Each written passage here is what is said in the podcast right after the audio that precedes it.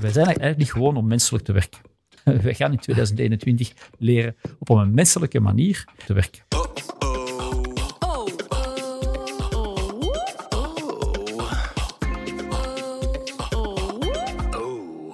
Welkom bij de podcast van Only Humans, waarin we op zoek gaan naar sterke mensen achter merken en hun unieke verhalen. Ook vandaag werpen we een open blik op het marketinglandschap in al zijn gedaantes en dat doen we met niemand minder dan de country director van Google België, Thierry Geerts. We praten over zijn job bij Google en de digitalisering van de maatschappij, maar gaan traditiegetrouw ook op zoek naar de mens achter de ondernemers. Die ondernemer vertoeft, vertoeft trouwens in een omgeving die ons heel vertrouwd aanvoelt, maar daarover vertellen we straks iets meer. Ik ben Wouter. En mijn naam is Hanna. Oh. Thierry begon zijn carrière bij PwC, maar zijn passie voor media, marketing en innovatie deed hem al snel overstappen naar managementposities bij onder meer Corelio Publishing, momenteel beter bekend als Mediahuis. Sinds 2011 is hij aan de slag bij Google België. Negen jaar is een eeuwigheid in de digitale wereld, dus we zijn heel benieuwd naar zijn ervaringen bij de technologiereus. Daarnaast is Thierry als auteur van Digitalis natuurlijk de persoon om de impact van nieuwe technologieën op ons leven te bespreken. Welkom Thierry. Dank je. Uh, dank je allemaal. Ik ben, uh, kijk er naar uit. We hebben het net aangehaald. Uh, je bent bezig aan je tiende jaar bij Google. Waar blijf je uitdaging in vinden? Omdat het inderdaad nooit hetzelfde uh, is geweest in tien jaar uh, tijd. Uh, ik denk dat er een aantal grote cycli zijn. ik ben begonnen negen jaar geleden, was het mobiel nog allemaal niet evident. dus we moesten aan klanten, partners en, maatschappij eigenlijk uitleggen dat de wereld mobiel ging worden. Dat, dat lijkt absurd vandaag, maar daar deden we dus wel degelijk lange sessies over. Um, dan hebben we het programmatiek marketing zien opkomen. Dus een totaal nieuwe tak van sport. Dan hebben we de cloud computing zien opkomen. En sinds 2016 artificiële intelligentie. En artificiële intelligentie maakt dat je eigenlijk een totaal nieuwe cyclus meemaakt, ook in de digitalisering. En we mogen helemaal opnieuw beginnen. Dus sinds 2016 werk ik eigenlijk in een nieuw bedrijf, bij wijze van spreken die zich regelmatig vervelt. Uh, en daarnaast ook uh, verschillende activiteiten heeft die het heel uh, boeiend maakt. Maakt ook dat Google een beetje door die zoekfunctie de vinger aan de pols heeft van de maatschappij. En als er dus dingen gebeuren in de maatschappij, voelen we ze letterlijk uh, aan de lijve mm. uh, en kunnen we daar ook iets mee doen. Waardoor dat, die, dat mijn functie eigenlijk, vind ik, heel relevant uh, blijft. Ik had, ik had gedacht dat ik het drie jaar kon doen. En ik ben er nu al een dikke negen jaar. Ja. ja. En, en hoe hou je vinger aan de pols? Want een van de dingen die we lazen was dat je zei van toen ik er in het begin werkte, moest ik toch een versnelling hoger schakelen als het gaat over nieuwigheden. Hè? Um, dan in, in andere functies of bij vorige bedrijven. Hoe doe je dat dan vandaag nog? Die vinger aan de pols houden of weten waar mensen mee bezig zijn of tools? Of... Ze noemden mij uh, in mijn vorige bedrijf Speedy Gonzales. En toen ik bij Google aankwam, dacht ik van ik ben hier de traagste van de bende. Um, maar eigenlijk gaat het heel snel. Een mens past zich uh, uh, vrij goed aan. En het is, ik denk dat de ritme van Google eigenlijk het juiste ritme is. de ritme van de maatschappij. Uh, we proberen niets tegen te houden. Uh, we, we, we, gaan mee. Heel veel bedrijven in België blijven nogal steken om te zeggen, maar we gaan een beetje wachten, digitalisering niet te snel, dat soort dingen. Um, en Google volgt die, die golf of gaat zelfs probeert dan uh, innovatief te zijn, dus die golven voor te zijn. Um, maar het geeft ook heel veel adrenaline in de positieve zin van het woord, waardoor dat je, um, denk ik, als mens heel makkelijk mee kunt. Je moet gewoon zeggen van, kijk, ja, eigenlijk cool, dat is nieuw. Je kunt dingen opnieuw maken. Die nieuwe dingen zijn veel beter dan al die rommel van de industriële maatschappij. En dan krijg je er een boost uh, van, maar ik leer uh, iedere week bij, dus je moet ook bijstuderen. Uh, en ik denk dat dat een boodschap is voor iedereen. Vandaag moet je continu bijleren. En dat is ook leuk. continu eeuwige student, zou ik zeggen. Ja. ja. Wat was voor jou eigenlijk de meest onverwachte trend of evolutie in de laatste jaren? Er zijn veel momenten waar ik zei van, poef, uh, ik heb denk ik bijna iedere week een vel moment gehad. Uh, ik denk, uh, begin toen dat ik de cloud computing heb begrepen, was dat voor mij wow. En nogthans, het, het was er al. Hè, maar tussen weten dat het er is en op zeker moment de impact ervan begrijpen en dat kunnen uitleggen aan, aan klanten, partners en zo. Dat is fantastisch. En nu recentelijk, ja, wat artificiële intelligentie kan doen, en bijzonder voor gezondheidszorg. Ja, uh, wat het kan doen voor, voor beeldvorming in de gezondheidszorg, om juiste diagnoses te stellen. wauw, wat je daar allemaal mee kunt gaan doen. maar, maar het zijn ook heel kleine dingen, soms heel, heel menselijke zaken.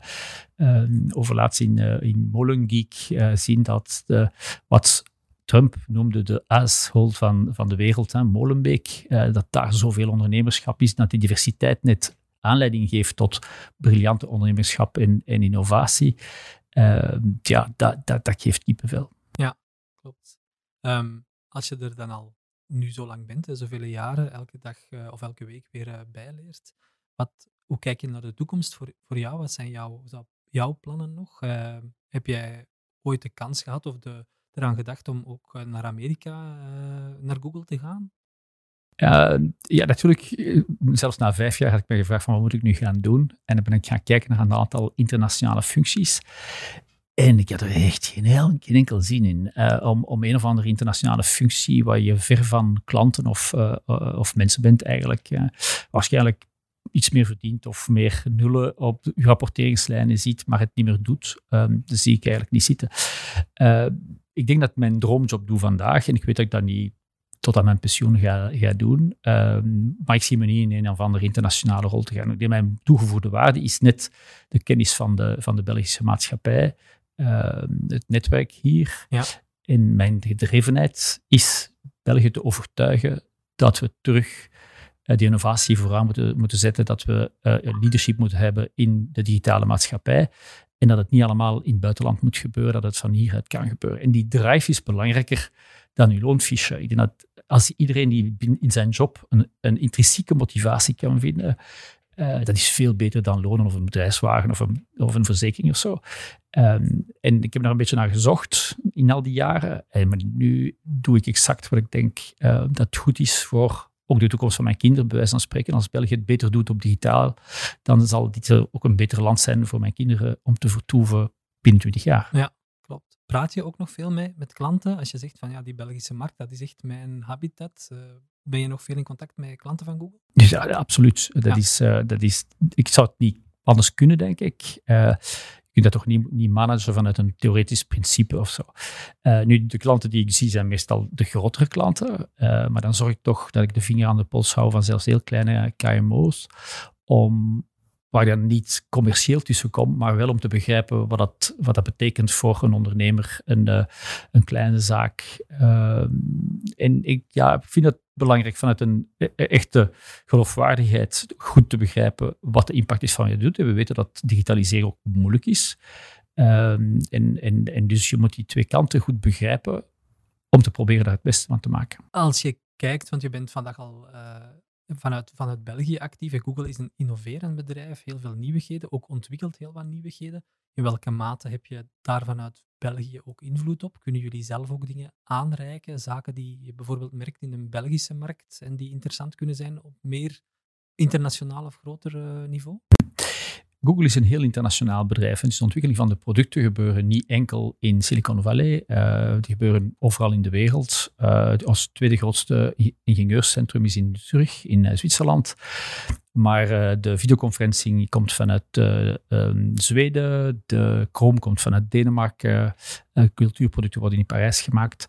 Ehm, en uh, ja, we hebben geen ontwikkelingscentrum in België, uh, maar België heeft dan weer andere troeven in handen. Ehm, ten eerste ons datacenter. We hebben het uh, eerste datacenter buiten de Verenigde Staten zit in België. Ondertussen toch 2 miljard investering voor België. mooi meegenomen, zou ik zeggen. Ehm, en, en daar ben ik best fier over dat we dat hier hebben en dat we hier verder kunnen ontwikkelen. En het tweede waarvoor dat we bekend staan, is een beetje anders, zou ik zeggen. Het is het feit dat de Europese Commissie in Brussel zit. En dus Brussel is wel degelijk bekend bij Google. Um, en daar denk ik dat we een heel belangrijke rol hebben om die connectie te maken. Dus te doen begrijpen waarom dat Europa er anders over denkt. Wat, zijn, wat is de Europese realiteit? Maar ook aan Europa te tonen dat het wel degelijk de toekomst is en dat ze er beter iets constructiever tegenover zouden eh, staan. Dat regelgeving absoluut noodzakelijk is. Maar het moet iets zijn dat ook de lokale ondernemers helpt vooruit te gaan en, en niet een blokkering zijn op lokaal ondernemerschap. Ja, oké. Het feit dat het een internationaal bedrijf is, mochten we een aantal jaar zelf, of, of internationaal uh, heel sterk geworteld is, zelf ondervinden. Today, het uh, branding uh, agency dat binnen Only Humans zit, mm -hmm. heeft, ik moet even op mijn papier kijken, heel wat dingen kunnen ontwikkelen voor Google België, zoals de kantoor, typografie, muren, signage, namen van de meetingrooms is door hen ontwikkeld. Zij hadden toen contact met Google Internationaal en niet met, met Google België. Ehm, waarschijnlijk een hele logische stap, want voor, voor ons is het soms wel raar om daar naar te kijken, maar hoe, kijken jullie daarnaar? Of Ten eerste, uh, het belangrijkste element is, uh, wij bouwen geen standaard kantoren over heel de wereld. Hè. Dus voor het kantoor in Brussel hebben we wel degelijk een Belgisch uh, architectenbureau aangesproken en een hoop lokale partners. Maar dan, op het moment dat dat gedaan is, hier zie ik geen enkel toegevoegde waarde om mij bezig te houden met kantoor. België doen dat fantastisch. We hebben al een, een, baksteen in de maag. En de bedrijfsleiders, als die een nieuw kantoor zetten, dan zijn die met dat kantoor bezig. Ja, ik ben niet met dat kantoor bezig. Ik weet dat Google dat goed zal doen. Ehm, we hebben internationaal teams die dat doen, veel beter dan ik het zou kunnen opvolgen. Ons kantoor is dan ook fantastisch geworden. Dank u voor de belettering en de, de benamingen. Het fantastische um, uh, gimmicks met Belgische cultuur, uh, stripverhalen, uh, bekende mensen in België. Tomorrowland heeft een, heeft een van onze zalen bijvoorbeeld. maar dat zelf opvolgen, daar, daar heb je niets mee. ik, ik, ken heel veel bedrijfsleiders die meer tijd bezig zetten met de auditors, met de rekeningen, met het maken van kantoren en zo. Allemaal eigenlijk, als je erover nadenkt, niet echt strategische dingen voor je bedrijf. Hè. Wat is strategisch voor, voor ons is aanwezig zijn in Brussel. Hè. En heel mooie kantoren hebben. De best mogelijke kantoren voor onze medewerkers. Wel, daar zijn teams voor die veel groter zijn in Londen dan in Brussel. Dus ik laat dat door de mensen in Londen doen. Heel logisch. Uh, dat is heel anders dan in mijn vorige jobs. Uh, maar dat maakt dat ik me kan bezighouden met strategie en mensen. Uh, talent ontwikkelen is absoluut noodzakelijk. En dan wat moeten we, hoe moeten we die producten van Google uitrollen in België? Welk effect hebben ze? Wat moet je gaan uitleggen? Waar moet je dingen aanpassen? We hebben bijvoorbeeld voor uh, Street View te lanceren in België, hebben gemerkt dat België het enige land is met officieel twee namen voor dezelfde straat. De, de Wetstraat Rue de la Loi. Uh, kijk, het bestaat ook in Zwitserland verschillende taalgebieden, maar die zijn mooi gescheiden. Je hebt nooit twee straten met dezelfde naam. Dat, dat, was dus wel een akkefietje dat je moest regelen voordat je Street kon lanceren. Oké. Ehm, als we dan eens gaan kijken naar het uh, Only Human stuk, we zijn dan, eh, of de agencies in, in heel jullie verhaal. Ehm, we zijn eh, net als vele agencies, Google Certified uh, partners. Um, wat is de strategie daar naar samenwerking met, met marketingbureaus? Hè? Enerzijds werk je samen, anderzijds ben je ook mekaars concurrent. Is dat ook verschillend per land of, of is dat in vele landen op dezelfde manier dat jullie daar naar kijken?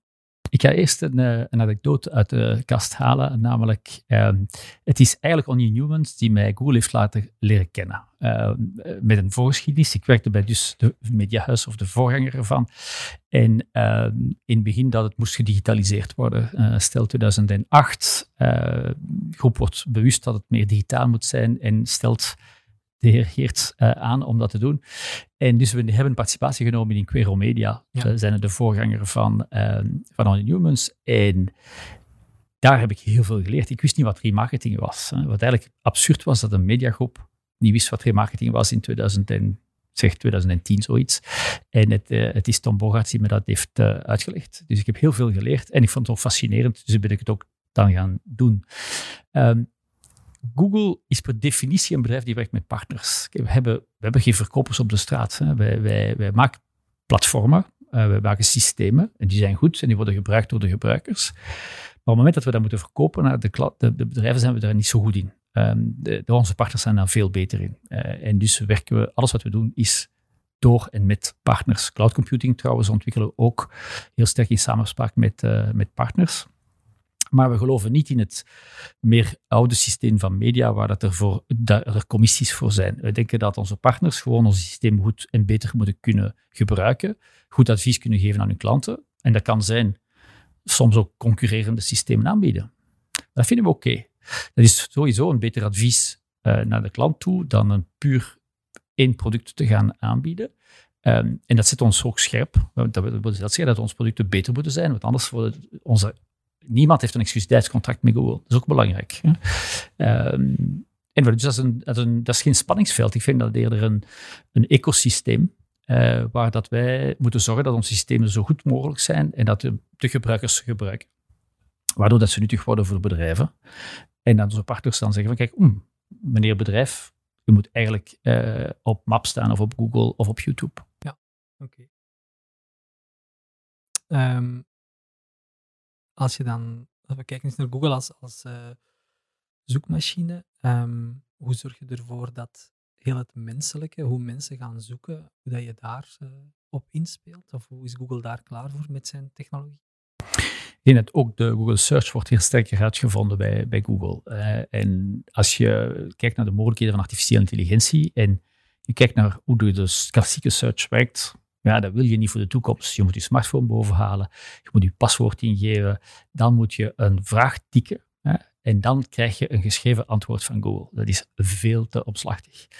Uh, dus zeggen we, nee, we gaan het anders doen. Dankzij artificiële intelligentie kunnen we van Google Search een Google Assistant maken. En een assistant is, we helpen door uw dag, voor de praktische zaken. Voor, dat gaat van alle mogelijke vragen, van wetenschappelijke vragen tot wanneer vertrekt mijn bus of hoe, uh, hoe maak ik uh, een of ander recept.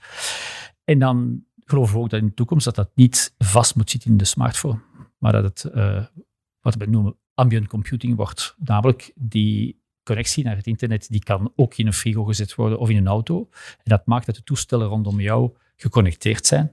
En die kunnen allemaal antwoorden op oké Google. En op dat moment vertrekt dan, de computer weet dan, ah, ik, er wordt een vraag gesteld aan Google en ik ga dat beantwoorden. Um, dus menselijker maken is in eerste instantie weg van die technologie die in de weg staat. Mhm. Het maken in de omgeving en een praktisch maken voor mensen. Uh, en met artificiële intelligentie kunnen we veel beter natuurlijke vragen beantwoorden. De, typisch de, maakte de, in het begin maakten de mensen zo'n soort codering als ze iets zeggen, kopen, boor. Hè? Eh, en nu zeggen ze, ik wil een boor kopen. En we moeten dus begrijpen wat, dat, wat die context van is. En dus van een vrij technische search van, we indexeren het web, we sorteren de links en op basis daarvan gaan we websites sorteren, proberen we nu de context te begrijpen. Hij zegt kopen, dus hij wil waarschijnlijk iets kopen, dus we moeten naar een webshop gaan. Eh, als, hij dat doet, als hij zegt pizza kopen met een smartphone, dan zal het waarschijnlijk een pizzatent zijn. Wel niet in coronatijden, maar in normale tijden. Als je diezelfde vraag stelt vanuit een pc, dan moet je beleverd worden. Want anders sta je... Uh, uh, je wilt van thuis uit waarschijnlijk de pizza thuis krijgen. Dus dat soort context gaan begrijpen en ook de taal veel beter vatten van wat de bedoeling is van de, van de vrager. Oké. Ja, ik ga er even op inspelen. Um, je zegt dan, mm, we gaan inspelen op hoe dat mensen een vraag stellen. We willen dat echt vatten. Um, dan komen we eigenlijk bij de voice search, die nu steeds populairder wordt.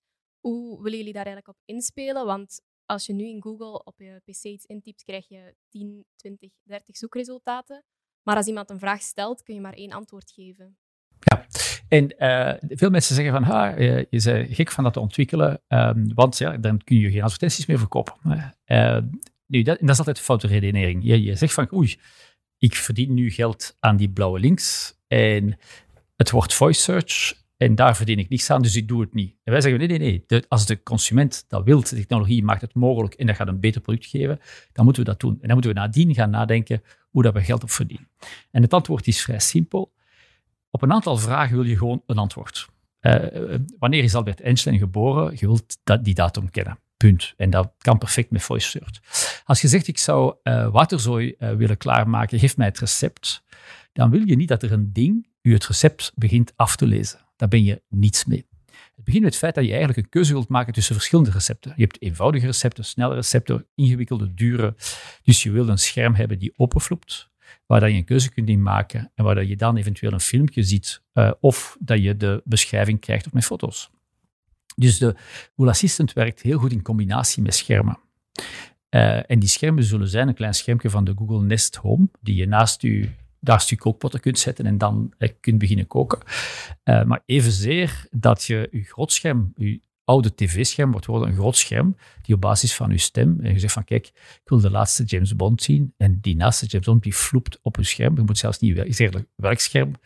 Eigenlijk kan de computer perfect uitmaken wat het beste dichtbijzijnde nuttige scherm is om dat te doen. Um, je zegt daarbij dus de schermen zijn ook belangrijk, uh, naast enkel het antwoord krijgen via voice search. Um, wil dat zeggen dat video en motion content nog steeds aan belang winnen? Of kunnen we eigenlijk zeggen dat video first echt al een feit is?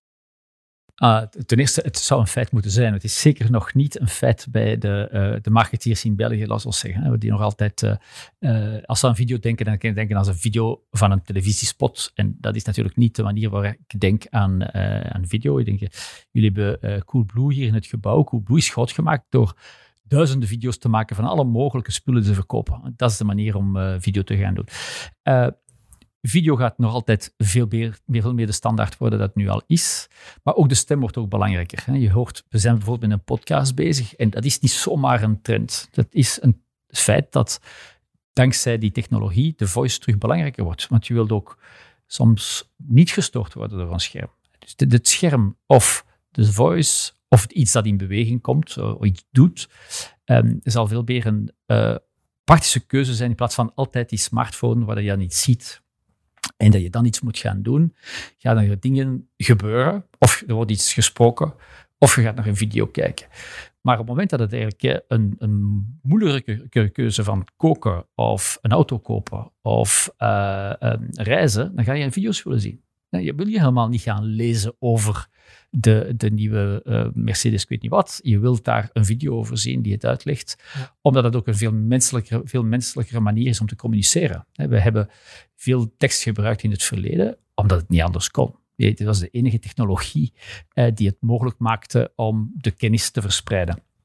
Nu zijn er andere technologieën mogelijk en die gaan we ook uh, veel meer benutten.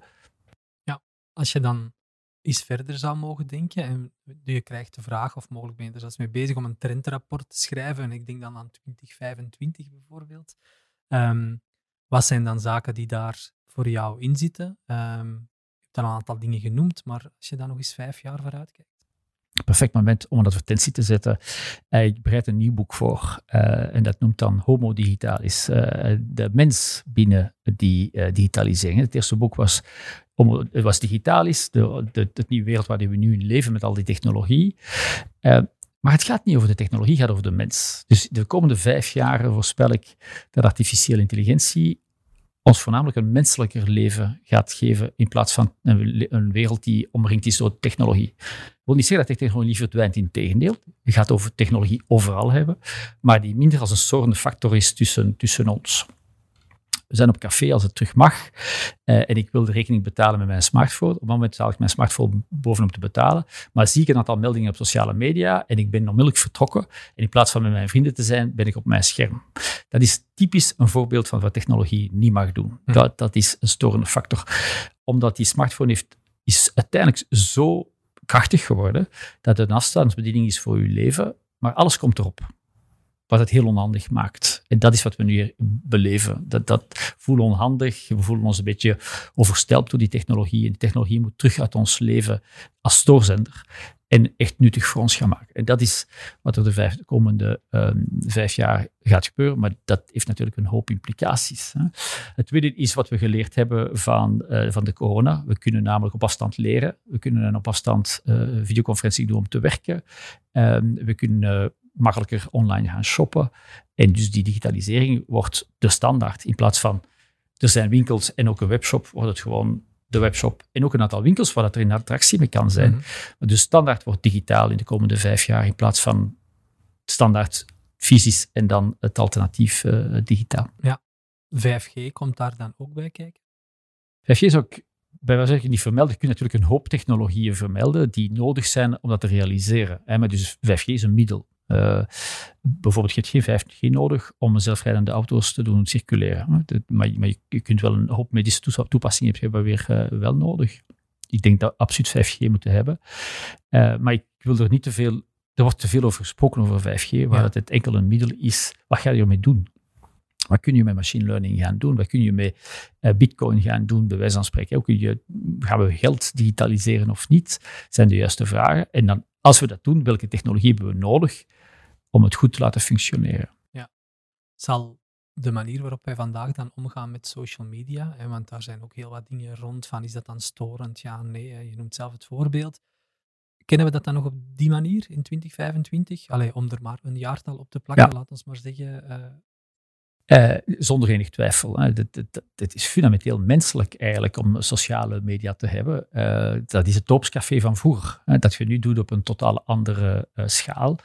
En laten we niet vergeten dat sociale media ook heel veel positieve voordelen heeft. Hè. Je kunt je vrienden van lagere school terugvinden, zelfs als ze aan de kant van de wereld wonen. En dat zijn soms mensen waar je veel hechtere band hebt dan de mensen van de café. Um, maar die sociale media moeten, gaan ook evolueren. Uh, en op dat vlak denk ik dat sociale media ook heel vluchtig zijn. Dat, dat, je kunt ook heel snel van een sociaal medium naar een ander sociaal medium. We hebben het al uh, gezien, hè, WhatsApp, uh, TikTok. dat zijn dingen die heel snel opkomen, die ook heel snel kunnen terug verdwijnen. maar het principe van sociale media zal blijven bestaan, maar die moet intelligenter gaan gebruiken, gebruikt worden. En dat heeft te maken met een aantal technologische aspecten. Dat heeft te maken met de verantwoordelijkheid zien van de actoren, waar dat YouTube zeer duidelijk ook de verantwoordelijkheid wil opnemen, maar ook met opvoeding. En wij moeten leren ehm, hoe dat we met die dingen moeten omgaan. Uh, we hebben ook moeten leren dat we met televisie moesten omgaan. Ik herinner mij als wij jong waren, dat waren een aantal kinderen die constant voor tv zaten. Dat was ook niet, niet super voor hun ontwikkeling. Uh, maar op school werd geweld geleerd naar een brede manier van naar media te kijken, hoe, hoe dat je mediawijs uh, kon worden. Um, vandaag, eh, in de eindtermen, staat er niets over sociale media, veiligheid op internet en zo. Het staat niet in de eindtermen. Eh, er komt iets, maar tot hiertoe was het, was het niet. Mm dat, is, dat is dringend nodig natuurlijk. Ja. Um, je zei daarnet dat uh, digitale evolutie ervoor zorgt dat we um, digitaal kunnen leren, digitaal kunnen werken. Uh, een aantal maanden geleden introduceerden jullie het nieuwe Google Workspace. Hoe zie jij het werken van de toekomst? Hoe zie jij dat evalueren?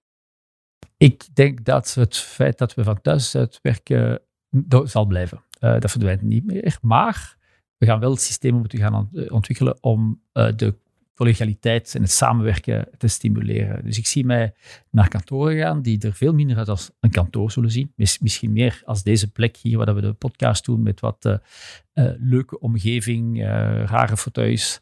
want als je naar kantoor gaat, zal het niet zijn om te werken. Je gaat thuis werken. En dan ga je naar kantoor om te, samen te werken, om creativiteit te stimuleren, om groot, moeilijke problemen te, te ontwarren. Um, en dus gaan de kantoor er anders uitzien. Um, en de manier waarop we werken, gaan, moeten, gaan we af moeten van die 9 to 5. Uh, de, het, twee uur in de file staan om dan van 9 tot 5 te werken en dan terug naar huis gaan, dat is absoluut onmenselijk. Als je erover nadenkt, dan zijn we maar robotten. Eigenlijk heeft de industriële maatschappij ons beschouwd als een soort robot die zeven uur en een half per dag moet werken.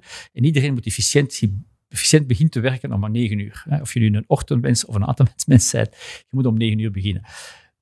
En of we nu een miljoen mensen naar Brussel rijden of twee, we gaan allemaal op hetzelfde uur beginnen. It makes no sense als je erover nadenkt. En nu kunnen we eindelijk verlost worden van dat keurslijf, maar we moeten die balans anders gaan maken. En dan zie je bij corona dat sommige mensen niet meer goed kunnen werken omdat ze thuis zitten met kinderen, maar andere mensen niet meer stoppen met werken. Dat is ook niet goed natuurlijk. Dus bij Google zijn we nu gigantisch bezig met, uh, met well-being. Dat deden we ervoor ook, maar nu meer dan ooit. Uh, met verplichte verlofdagen voor heel Google, met programma's om, om uh, te identificeren wie, wie te veel werkt. Ehm, en dat toont dat we niet gewoon zijn van zo te werken. Wij zijn eigenlijk niet gewoon om menselijk te werken. Wij gaan in 2021 leren op een menselijke manier wel efficiënt te zijn, maar met veel meer uh, menselijkheid, creativiteit, plezier, uh, collaboratie en context, wat computers niet goed kunnen doen. Dat zijn allemaal dingen die computers niet kunnen. Repetitieve taken daarentegen, daar zijn wij slecht in. Daar is een computer veel beter in. Ja, hadden een paar uh, podcasts geleden hier aan de Bisschop uh, te gast, die zich ondertussen gespecialiseerd heeft als uh, well-being at work coach en haar eigen bedrijf er ook in heeft. het belang, vertelde zij ook, was zeker en vast van well-being at work heel belangrijk. Je noemt een aantal zaken hè, die je gaat doen bij Google. Kan je er van zo verplichte vakantiedagen, moet ik me dan voorstellen? Heel Google sluit dan? Of is het, je bent verplicht om zoveel dagen per verlof te nemen? Of uh, hoe moet ik het mij voorstellen? Nee, het zijn letterlijk dagen waar we Google sluiten. Dus bijvoorbeeld uh, uh, vorige vrijdag hebben we Google gesloten. Waarom? Omdat de mensen die... Ze hebben, ze hebben genoeg verlof bij, bij Google in het algemeen, maar ze nemen ze niet op of als ze opnemen, dan gaan ze toch op hun telefoon checken of er mail is. Dus de enige manier om te zorgen dat er geen mail is, is te zeggen van, kijk, de vrijdag stop, werkt niemand.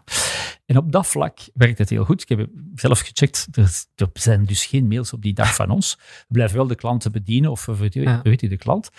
En ik denk dat we bij Google ook, uh, ook tegenover al mijn vorige werkgevers respecteren we het weekend veel beter. Dus we zorgen echt dat er tijdens het weekend niet gewerkt wordt. Je mag, je mag werken, uh, maar er is, je kunt echt geen punten winnen om mij te beantwoorden tijdens het weekend. Integendeel. Ik ga daar, als dat een beetje te veel gebeurt, dan ga ik zeggen, was dat wel een idee? En als je me zegt van ja, het was slecht weer op zondag, ik heb op zondag gewerkt, maar de woensdagnamiddag ben ik met mijn kinderen bezig geweest, fantastisch, geen probleem. Maar als het iemand is die heel de week gewerkt heeft en dan nog tijdens het weekend uh, blijft mailen, en dan moet je echt heel, ik denk dat dat de hoofdverantwoordelijkheid is van een leidinggevende. Een leidinggevende is niet meer om instructies te geven, om basket te spelen, om zich een grote chef te vinden, maar wel om heel aandachtig zijn om je talent, hoe kun je talent ontwikkelen, eh, welke training moet je bijgeven, wie blijf je aan, welke talent geef je mee, hoe kan je cultuur onderhouden. En ook hoe zorg je dat iedereen op zijn best is om te werken. En, en dat soort dingen van well-being is natuurlijk essentieel. Maar dat kun je moeilijk aan een afdeling HR overlaten. Dat, mhm. Je moet echt de leidinggevenden opleiden uh, die daar eerlijk gezegd in de vorige jaren niet echt mee bezig waren. Nee. Je bent dus, uh, ja, jij en het bedrijf zijn dus erg bezig met de well-being van jullie werknemers.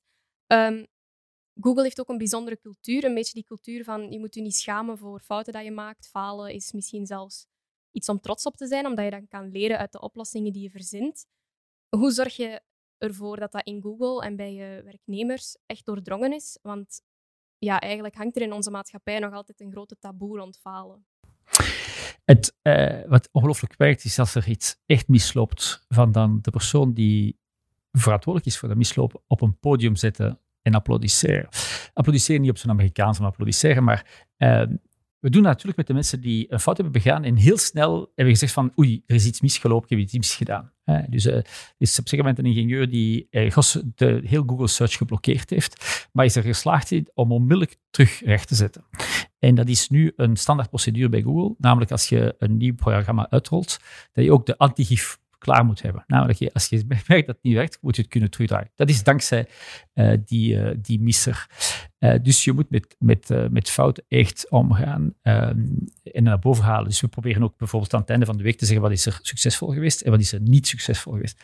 Het blijft moeilijk om die niet succesvol eruit te halen. Want de mensen denken van, ja, maar als ik ga zeggen dat ik gefaald heb bij een klant, dan ga ik daar punten mee verliezen. Um, nee, um, echt niet. Uh, en inderdaad, dat verhaal van leren is veel interessanter. Natuurlijk, je moet zorgen dat je basisprincipes uh, goed functioneren. Maar het gekke is, als je wilt dat er geen fouten gebeuren, moet je eigenlijk de mensen geruststellen dat fouten mogen gebeuren. Maar niet falen is niet menselijk. Dat gaat niet. Dus dan moet je alles wat je 100% zeker wil weten, moet je automatiseren. Een mens kan moe zijn, een mens kan een fout begaan. En dus wat wij willen doen, is proberen zoveel mogelijk te automatiseren wat echt picobello juist moet gebeuren. Ons datacenters zijn nooit down, omdat ze super, super, super geautomatiseerd zijn. En dan kun je de creativiteit en de menselijke interacties, de partnerships, de klanten, daar kun je wel mee omgaan. En de klanten vinden dat heel verfrissend, dat we ook soms zeggen van kijk, ja, dat hebben we verkeerd gedaan. Um, en, maar je kunt het dan zo oplossen, of je kunt dat, dat meedoen, of we hebben dat daarvan geleerd. En als je dat deelt, dan word je sterker. denk ik. Je toont je zwakheid in sommige, als je ze hebt, en dat maakt je sterker. Ja. Um, ik wil nog heel even terug naar wat we daarnet, uh, wat, waar we het daarnet over hadden rond uh, nieuwe werkvormen enzovoort. Um, ja, een van de zaken die ook al wel vaak voorspeld is, is dat er dan ook een heel aantal nieuw type jobs uh, gaan komen. Um, heb je dat al in de afgelopen jaren bij Google zien evolueren? Um, hoe kijk je daarnaar voor de komende jaren? Ik denk dat je, het is ten eerste absoluut waar, maar je moet daar niet kijken als bij Google. Het is vooral een maatschappelijke mhm. vraag. Uh, en sinds dat ik bij Google ben, zeggen de mensen van, ah, door de digitalisering gaan de jobs verloren. Uh, goed, uiteindelijk, uh, ja, we gaan het toch eens serieus onderzoeken. Dus er zijn een BCG-studie onder gedaan. We hebben in 2015, 16 die studie uitgebracht dat er 300.000 jobs zouden gecreëerd worden tegen 2020. en iedereen heeft ons half gek verklaard. En wat blijkt, aan het einde van de regering Michel, dat is ondertussen al een tijd geleden, waren er 220.000 jobs gecreëerd en we waren nog niet in 2020. Dus die digitalisering creëert jobs zelfs sneller dat een optimist, wat ik toch ben, durft geloven. Ehm, er zijn vandaag, zelfs met corona, meer Belgen aan het werk dan ooit tevoren in België. Namelijk in het beste moment van de economie voordien, waren er gewoon veel minder vrouwen actief in de economie. En dus nu hebben we heel de maatschappij kunnen opsloppen en we hebben minder werklozen vandaag dan ooit tevoren. Natuurlijk, de coronacrisis gaat spijtig genoeg voor werkloosheid zorgen, maar dat kun je niet. Ik denk dat dankzij de digitalisering hebben wij de coronacrisis kunnen doorstaan. Stel je voor dat we de coronacrisis hadden gehad, twintig jaar geleden, mhm. zonder mail, zonder uh, internet, zonder interactie. Dat een absolute ramp geweest. Het was niet mogelijk geweest om onze maatschappij te doen draaien. Vandaag kan dat wel dankzij de digitalisering. Maar dus voor corona heeft de digitalisering gigantisch veel werk, ge, werkgestelling gerealiseerd. Ik zal het nog eens zeggen. De, digitalisering heeft tewerkstelling gecreëerd in plaats van het kapot te maken. Ehm, zelfs voor een land als België, die niet onmiddellijk voorstaat op digitalisering. Dus stel je voor dat we nu beter zouden geworden zijn op niveau van digitalisering. Stel je voor hoeveel jobs dat we hadden kunnen creëren. Onder andere in de logistiek van de e-commerce zijn er 10.000 jobs geëxporteerd. Dus ons, ons land is letterlijk omringd door uh, distributiecentra, omdat we de e-commerce niet onder controle hebben. 10.000 jobs die hadden kunnen gecreëerd worden. Dus zelfs in een land die een beetje achter is, creëert het jobs. En het zijn andere jobs. Dus je moet blijven leren. Als je natuurlijk, je bent een boekhouder en je specialiteit is facturen ingeven, dan riskeer je je job te verliezen. Ben je een boekhouder met interesse voor je vak en je vak is financieel advies geven aan je klanten op basis van die facturen, dan ben je niet bang van artificiële intelligentie die maakt dat facturen gewoon geboekt worden. Mhm. En dan heb je ook veel meer tijd om die klant bij te staan. En dat is nu zo. Je stuurt de boekhouding, wordt gewoon automatisch gedaan. Je mailt de facturen naar een mailadres en dat ding wordt geboekt. Ehm, maar je boekhouder is altijd nodig om te begrijpen wat BTW is, van wat is uw marge, uh, hoe ziet mijn balans eruit. Dat is toch zoveel menselijker. Dat is een, een uh, wat betreft het een beetje achterlopen op vlak van digitalisering is een nagel waar u al een hele tijd op, op klopt, of waar u lang aandacht voor vraagt in mhm. België, dat we, dat we daar echt stappen moeten in zetten of toch wat achterlopen. Uw boek is uitgekomen in 2018, denk ik. Ehm, heb je dat ondertussen zien evolueren? Want als ik nu kijk naar de berichtgeving rond corona, het zijn bol.com, Coolblue, vaak buitenlandse bedrijven die uh, met heel wat van onze e-commerce gaan lopen. Dan zou ik als buitenstander misschien het idee hebben van, ja, we zijn er toch echt nog altijd niet, of ziet u toch echt heel wat positieve signalen? Nee, nee, we zijn er nog echt niet. En dan is er zoiets van, ja, ja, maar het is te laat, we hebben het gemist. En dat is ook zo fout als maar zijn kan natuurlijk. Hè. Niets is gebeurd. Er is vandaag ongeveer 15% van de commercie is, uh, is, digitaal, dus er blijft nog 85% niet digitaal. Die wel degelijk gaat digitaliseren op een of andere manier. Laten we dus zeggen, kijk, we gaan het toch maar doen. En met het start van corona was het helemaal rampzalig. Eh, de e-commerce is maal 3 gegaan. En de Belgische e-commerce plus 20%. Dus stel je voor wat je gemist hebt. Maar een hoop Belgische bedrijven hebben het dan toch gesnapt. Bij de tweede lockdown zie je dat een hoop bedrijven vandaag bijna dezelfde omzet realiseren zonder winkels dan met winkels. De meesten durven het niet zeggen, omdat ze dan bang zijn van, ja, wat met mijn huisbaas, waaraan ik geen huur betaal of zo. Nee, nee, laten we er vier over zijn. Er zijn dus België, het Belgische bedrijven hebben volledig hun transformatie kunnen doen. En anderen die het een beetje opgegeven hebben, dat is hun eigen schuld. Wat, we, wat we heel positief zien, is dat in de meer B2B-sfeer, dat België heel sterk in digitalisering is. We hebben een aantal, we hebben een aantal uh, unicorns. Dat zijn bedrijven die uh, meer voor het B2B werken. Mm -hmm. uh, Colibra bijvoorbeeld, die voor de beveiliging van, van een grote bank in de US zorgt, is meer dan een miljard gewaardeerd. En dus je ziet dat België eigenlijk een B2B-land is en dat ook een digitaal land kan zijn. En dat is prima. dus laten we daar zeker op inzetten. Maar laten we de e-commerce toch niet zo snel afgeven. Hè. Dat zou toch een beetje dom zijn. Ehm, het voordeel van e-commerce is dat zelfs een kleine zelfstandige kan het ook volledig digitaal doen. Het is vrij simpel. Wat vroeger veel moeilijker was. De investering om een winkel te openen is veel hoger dan voor een webshop te openen.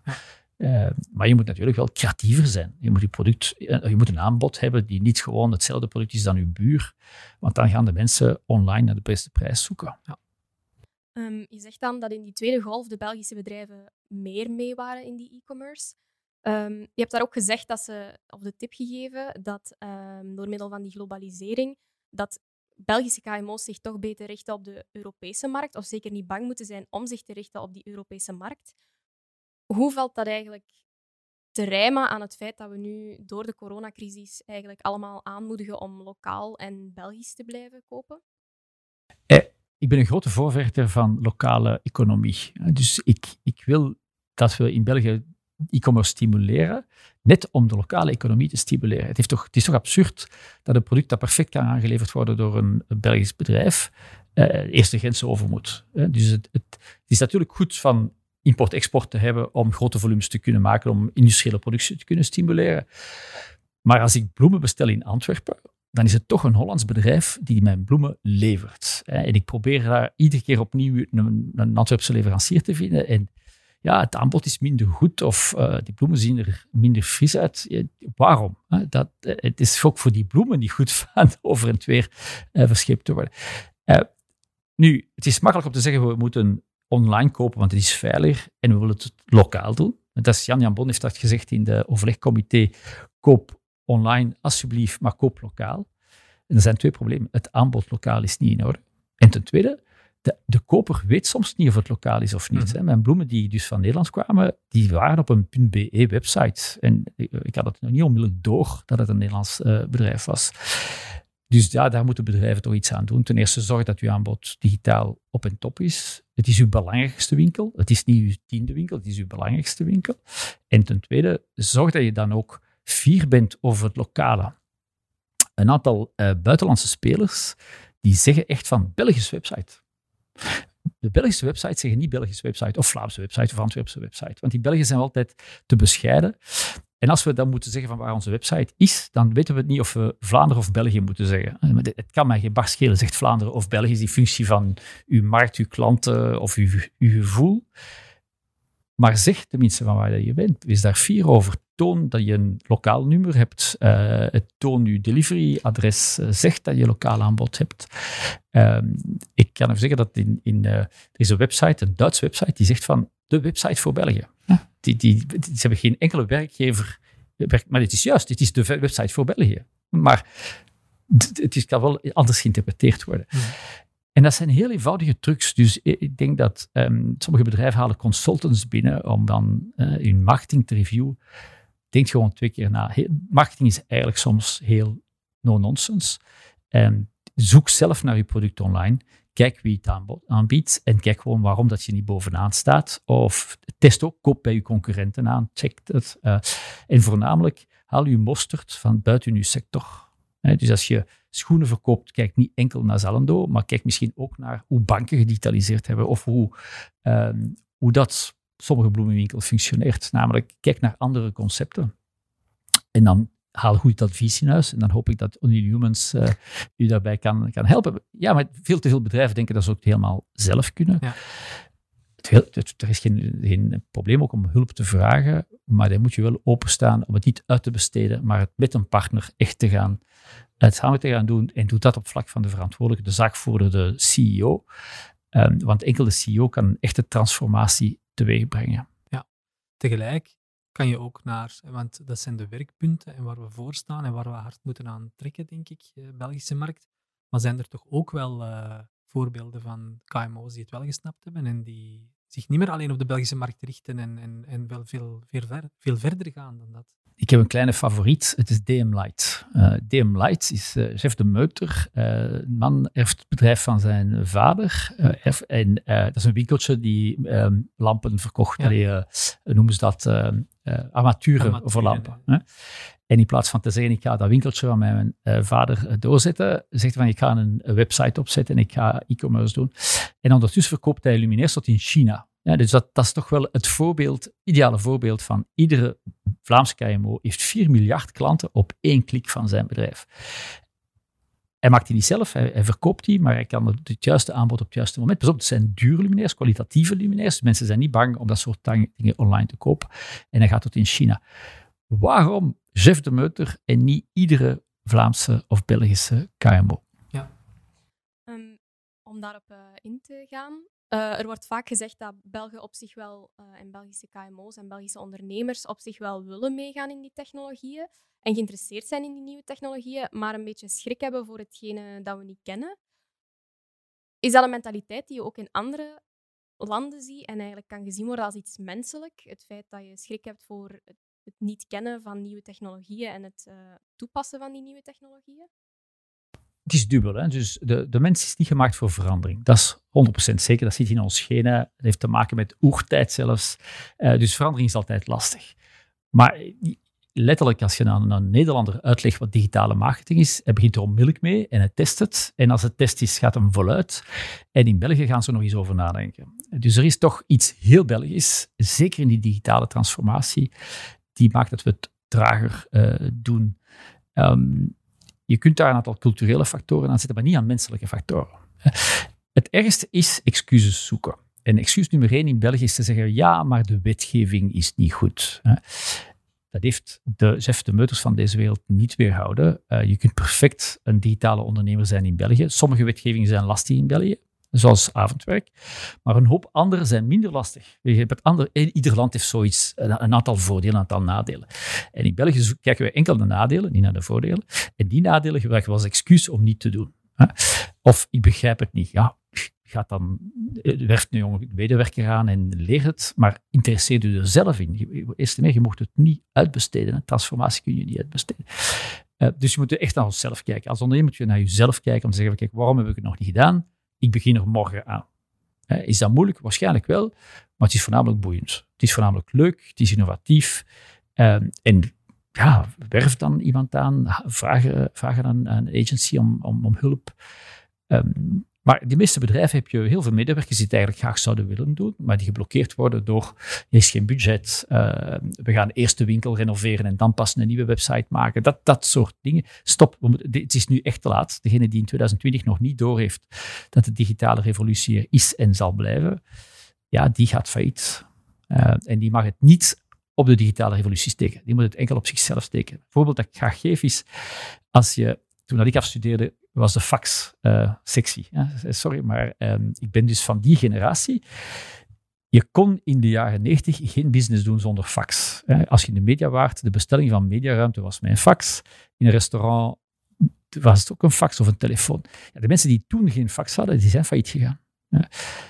Is dat technologie? Dat is gewoon de huidige communicatiemiddelen. En vandaag, de mensen die dus die technologie niet hanteren, die gaan inderdaad in de miserie geraken. En het is dom, omdat het eigenlijk niet zo moeilijk is. De, grootste mythe van technologie, van digitalisering, is dat het moeilijk is. Het is fantastisch. En het, is, er zijn heel veel mogelijkheden. Maar je kunt heel simpel beginnen. Het is makkelijker om een opstart te doen van een, van een start-up vandaag. Toen ik afstudeerde en je moest een bedrijf starten, was het ontzettend moeilijk. Ten eerste, er was geen ondernemingsloket. Je kon geen enkel document digitaal aanvragen, dus je moest eerst rondtuffen met een auto naar 25 diensten. En als je dan een computermateriaal moest kopen, dat kostte dat stukken van mensen. En dan had je nog geen software. Want je moest alles aankopen, licenties of zelf programmeren. Vandaag koop je een laptop van 300 euro, uh, een Chromebook met een connectie, internetconnectie en uh, een Google Workspace. En je hebt dezelfde middelen dan een multinational. Ja, klopt. Een van de zaken die je net aanhaalt is de reflectie vaak naar wetgeving. Um, um, in welke mate ben je daar ook actief mee bezig? Hè? Het lobbyen of, of, het spreken met politici om, om het zij op Belgisch niveau, het zij mogelijk ook op Europees niveau, daar um, die wetgeving aan te passen om dat soort zaken zo open mogelijk en zo vrij mogelijk te laten en zoveel mogelijk te stimuleren? Ja, dat is in integraal deel van mijn functie en ook heel normaal. Je, uh, je zit in een veranderende maatschappij. Je bent een bedrijf die het vrij goed doet het is ook aan jou om tijd te investeren om uit te leggen wat dat de voor- en nadeel ervan, wat de gevaren zijn, wat dan de opportuniteiten. Dus ik, ik, zie mijn, ik, zal mijn, ik zie dat niet als lobbywerk. Het is eigenlijk integraal deel van, als je vooruit wilt, um, dan moet je ook ja, de maatschappij meehelpen. Wij, zijn, wij zullen dat niet doen, maar we kunnen wel daaraan bijdragen. En als bijdrage is van te gaan uitleggen wat de voor- en nadelen, risico's ervan, uh, ervan zijn. En ze hoeven niet naar mij te luisteren, maar tenminste dat we die informatie uh, aanbieden. En voornamelijk als ze verschillende klankborden hebben, maar dat ze ook klankbord hebben van degene die um, vooraan staat in die, die technologie. Um, maar ja, dat is natuurlijk een dubbeltje op zijn kant. Er is regelgeving nodig, maar als je dat te snel doet, dan, dan wordt het heel snel een blokkerende innovatie. Een mooi voorbeeld is uh, eh, GDPR, de privacywetgeving. Fantastische principes. Letterlijk, daar zaten we 100% achter. Wij waren al twee jaar voordien compliant, omdat we de principes juist vinden. Maar de manier dat geschreven is, is maakt het totaal onhandelbaar voor jullie klanten waarschijnlijk en voor mhm. jullie zelf. Dus ja, hoe kunnen we die goede principes ook in goede wetten steken die praktisch gebruikbaar zijn voor lokale KMO's? En eigenlijk, heel veel mensen dachten van, ah, met GDPR gaan we Google tegenhouden. Wij zijn groot genoeg, we kunnen dat, ten eerste, we kunnen dat programmeren, we kunnen dat ook uh, op een, een wettelijke manier aan. Maar het is ik maak me meer zorgen voor lokale ecosystemen, voor de lokale digitalisering met die wetgeving.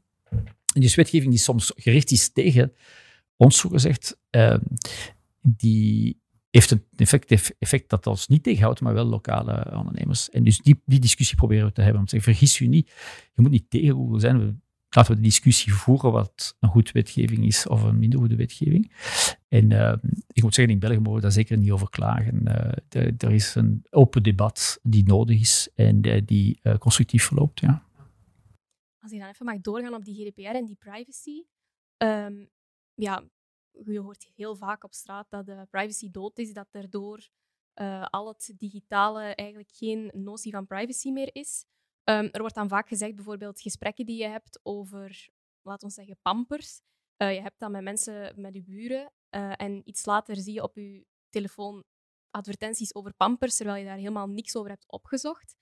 Um, ja, hoe sta jij daar eigenlijk tegenover en, en wat doen jullie daar, daarmee?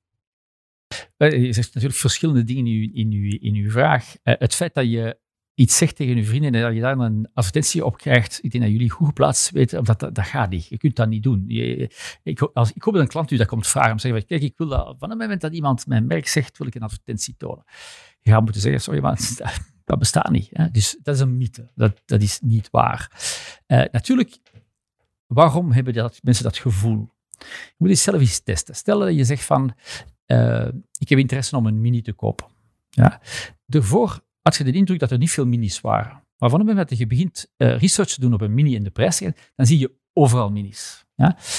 Uh, dat werkt voor alle merken, het is niet merkgebonden. Dus het is gewoon zo dat je, als het moment dat je iets interesseert, dan begin je attent te zijn op dat ene ding. En dus je ziet ook reclame die je voor niet zou zien. Ja? Dus kijk, geloof me of geloof niet, maar Only kan onmogelijk een getargete campagne organiseren rond wat je zegt. Is dan uw privacy te grabbel? Uh, nee, met het GDPR kan ik u verzekeren dat uw privacy niet te grabbel zit. De, de, de, de, de, boetes die erop staan zijn, gigantisch. Natuurlijk is het wel aan jou om te gaan bepalen wat wil ik en wat wil ik niet. Dus wat zegt de GDPR is, je mocht dat zelf beslissen. Dat wil zeggen dat je iets moet beslissen. Als je een app downloadt, zeg dan niet ja op alles, want dan heb je beslist om het te geven. En als je Google gebruikt, ga naar ons privacy dashboard, Google My Account, want daar kun je letterlijk alles bepalen. En ik ga het u aan om het te doen. En als je het eerste keer doet, het is freaky. Je, je, ze weten, ik weet, eh, ik weet niks, maar die Google-systemen weten van, als, maar als je dat niet wilt, dan stop je het gewoon. Dus even gewoon afzetten. ik wil geen getargete reclame. Geen probleem. Dan moet je nadien niet klagen dat je advertenties krijgt voor dingen die je niet wilt of niet geïnteresseerd bent. Maar je kunt het doen. Uh, je mocht je locatiegegevens uh, afzetten. Geen enkel probleem. Doe het. En voornamelijk gebruik een goed paswoord. Want je privacy begint met een goed paswoord. Veel data die Google heeft, wordt enkel gebruikt voor uzelf, voor uw services, ter, ten voordele van jou. En dus test het uit van wat werkt, wat werkt niet. Welke voordelen heb ik om iets te gaan gebruiken met die data of niet. En zet de rest af. En doet dat ook voor alle andere bedrijven. En ik ben vrij overtuigd dat je toch wel overtuigd zult zijn dat we dat op een heel respectabele manier doen. Dat als we data gebruiken, dat, het, dat er wel degelijk iets terug in de plaats is. Je, je geeft informatie aan Wees over file, maar je bent heel blij van die informatie terug te krijgen. En dat zien we ook bij, en dat we ook meten bij, bij Weesgebruikers. Het enthousiasme is enorm om meer informatie te delen bij, bij Wees, omdat de mensen zeggen, van, ja, dat is echt een app die mijn leven heeft veranderd. En dat moet de clue zijn van data. Je moet er iets voor terugkrijgen. Geen geld of geen monetisatie, maar wel een, uw gebruik moet beter zijn. Ja, en het past in het verhaal wat u daarnet zei, dat technologie moet helpen en niet storend moet zijn. Ja, ja. en dat is een, iets heel moeilijk voor technologiebedrijven, uh, maar ik denk dat consument daar heel strikt maar kan zijn. Uh, bedrijven die mij storen, zet ik uit mijn leven. Ja. Uh, ja. ja. Dat zijn zaken die natuurlijk wel vaak in het nieuws komen, of die we dan wel oppikken. Hè, die Ehm, ja, Google en trouwens niet alleen Google, maar de, de big tech enzovoort komen dan wel vaak in het nieuws, vaak met dat soort berichtgeving. Ja. Ehm, Ja, er zijn zo nog wel wat voorbeelden. Hè? Ehm, dat bijvoorbeeld een racistische website online blijft staan, omdat het dan vanuit een soort content publisher is. Hè. Wordt er dan naar de content wel gekeken, ja of nee? Hoe kijken jullie naar de verantwoordelijkheid van de Google of Google in dat geval? Ehm, ik denk dat we daar heel verantwoordelijk mee omgegaan zijn. Dat wil niet zeggen dat we perfect zijn. Het is een bijzonder moeilijk iets. Hè. Dus op uh, YouTube moet je inbeelden, er worden 500 uren aan, uh, uh, aan video's opgeload per minuut. 500 uren per minuut gaat er aan content geüpload. Wil dat zeggen dat we daar geen verantwoordelijkheid over hebben? is niet waar. Maar wil dat zeggen dat we alles kunnen controleren? Is natuurlijk ook niet waar. Moeten we dan sociale media stopzetten? En dan zegt iedereen van nee, dat moet je niet doen. Dus we moeten dat iets vinden om te gaan controleren. Nu, het is ook iets anders dat privacy soms wordt bekeken als het enige recht is privacy. Ja, maar dat is ook wel een ander belangrijk recht, is recht op informatie. Mhm. Je wilt weten, als een politicus iets uh, verkeerd uitspookt, en er is informatie online over dat het verkeerd is ja, dan mag dat niet zomaar van het web verdwijnen. Hè. Dat is wel degelijk een nieuwsfeit en dat moet blijven. Um, en dus is het een balans tussen het recht op informatie, het recht op privacy en harmful content. Dus welke content is, uh, is echt heel lastig. En ja, daar moet je een balans in gaan maken. En het probleem is dat ook cultureel verbonden. Ja. Dus sommige dingen zijn in België, als je het weghaalt in België, word je bestraft omdat je het weghaalt. Wat je in een ander land, als je het niet weghaalt, ook bestraft wordt. Dus voor Google is het een extra moeilijkheid dat we in die verschillende landen opereren. Die verantwoordelijkheid nemen we voluit. Ik denk dat we daar, uh, we hebben 10.000 mensen aangeworven voor YouTube-controle. we hebben artificiële intelligentiesystemen ingezet. We zijn in contact met alle mogelijke uh, groepen die daar iets van weten. Bijvoorbeeld met, met uh, um, rond negationisme, dus het, het, negeren van, van nazi-regime en, en holocaust. zijn we in contact met associaties die daarmee bezig zijn, die goed begrijpen. Want je moet ook niet alles van de Holocaust weghalen van het net natuurlijk, want je moet nog altijd duiden wat het is. Ja. Eh, dus als je alles gewoon weghaalt, dan wordt het pas lastig, want dan heb je eigenlijk het feit dat er een Holocaust is geweest gecensureerd. Dat zijn thema's die we heel belangrijk vinden. Eh, als je Google een beetje volgt, denk ik dat we dat op topprioriteit hebben gesteld. Maar wij gaan dus niet alles opkuisen omdat dat makkelijk is. Want wij, willen, wij vinden die recht op informatie een heel, heel, heel belangrijk uh, recht. Um, jullie monitoren dat soort zaken, vermoed ik dan? Ja. Uh, ja. Dat soort zaken bijhouden om uh, te kijken. Ook hoe jullie in het nieuws komen? Is dat, zijn dat ook zaken dat je mee ja, bezig bent? Ja, ja, ja. En voor alle duidelijkheid, we vinden dat goed dat, het, dat media kritisch zijn tegenover ons. We worden een groot bedrijf, best uh, de nodige, uh, houdt ons, scherp. En maar natuurlijk, mijn rol is te gaan kijken van, ja, wordt dat nu overweldigend negatief, ja, dan hebben we een probleem. Dat is dat de perceptie van ons producten niet goed zijn. Of ofwel zijn onze producten niet goed, ofwel is de perceptie niet goed. En ik denk dat, dat, mijn, dat voel ik mijn, mijn verantwoordelijkheid. Als er, als er een fout gebeurt, dan wil ik ze in de media zien, hè, want dat is de rol van media. Maar als we goede dingen doen en het wordt slecht in de media gezet, wat in heel veel gevallen gebeurt, dan is natuurlijk mijn rol om minstens te gaan duiden waarom dat het onjuist is, te proberen te zeggen van kijk, kan ik het dan aan een andere journalist anders gaan uitleggen dat ik beter begrepen word. Um, want die duiding is echt nodig. Zoals ik zei, onze producten veranderen snel. Wij zijn in een transformatieproces van onze hele maatschappij. Daar hoort duiding bij en daarvoor zijn media super nuttig. Uh, nu, is te meer gelukkig heeft uh, Google over het algemeen uh, een, een heel goede reputatie. Onze, ons merk, om terug te komen op het element merk, heeft 79% likability bij de Belgische consument. Uh, met zelfs alles wat er soms negatief in de pers komt, denk ik dat de balans heel duidelijk is, dat, dat de mensen waarderen dat onze producten goed zijn, um, echt nuttig zijn in, in hun leven en dat we over het algemeen heel respectvol omgaan. Ja. Uh, wel, ik zeg altijd, maar in perceptie over het algemeen is, eh, is ook al, uh, al, goed, ja.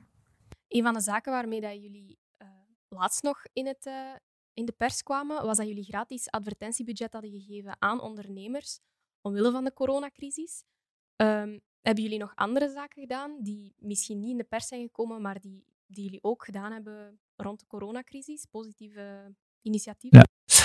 We hebben in de eerste drie maanden van de coronacrisis 174 productlanceringen gedaan. Uh, alle mogelijke aanpassingen. Uh, bijvoorbeeld de uh, meest gekende is in Google Maps. Om eerst te duiden welke winkels gesloten waren, open waren. Zeker met de opening van de horeca heel snel. Van, kon heel snel melden of je geopend waren of niet. En nu hebben we een, de applicatie aangepast zodat je heel snel kunt zien wie delivery doet of niet. Want heel veel restaurants doen het wel, andere niet consument kon er niet meer aan uit. Dat staat nu in, uh, in Maps. De meest belangrijke, denk ik, en ik hoop dat jullie ze allemaal installeren, is natuurlijk de Corona Alert uh, app. Enfin, niet de app, maar in ieder geval het mogelijk maken om een Corona Alert te gaan doen. in samenwerking met, met Apple. Google en Apple niet altijd samen de weg in het bedrijf, maar op een zeker moment is als je zo'n crisis voelt, moet je zorgen dat 100% van de telefoons moeten een applicatie kunnen hebben. en dat is, um, denk ik, heel belangrijk dat, dat, dat, is natuurlijk alleen maar een kost, maar dat vinden we onze rol. Als er zo'n crisis is, hoe kunnen we helpen? Uh, dat is begonnen met contact te nemen met de overheden om de juiste informatie bovenaan te zetten. Wat is nu de juiste status van corona? Uh, wat moeten we dan vooraan zetten? De officiële websites van de regering bovenaan zetten, zodat er geen valse informatie rond corona. Mensheid is toch afschuwelijk. Als je, zelfs met zo'n crisis zijn er mensen die het dan leuk vinden om uh, verkeerd nieuws uit te sturen of uh, doemdenken boven te halen. En dus dat is heel belangrijk voor ons om die informatie. Het is het grootste werk geweest om die informatie clean en uh, de juiste informatie bovenaan te zetten. Wat de laatste jaren toch wel regelmatig in het nieuws was en waar het nu een stuk stiller rond is, is de zelfrijdende, of zijn de zelfrijdende auto's van Google. wat is de status daarvan? De status is dat het ondertussen normaler is geworden en dat er dus minder over gesproken wordt. En toen we erover begonnen in 2010, eh, was het echt puur futurisme. Dat uh, het gaat nooit gebeuren, uh, te gek voor woorden.